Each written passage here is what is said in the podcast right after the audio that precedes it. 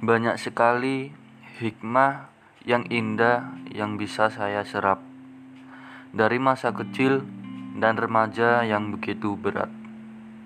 Yang terpenting adalah betapa dasarnya hasil dari tempaan masa sulit. Betapa membangunnya, betapa itu mampu membentuk diri saya dan karakter saya untuk menjadi manusia yang pantang menyerah. Selamat malam, Indonesia.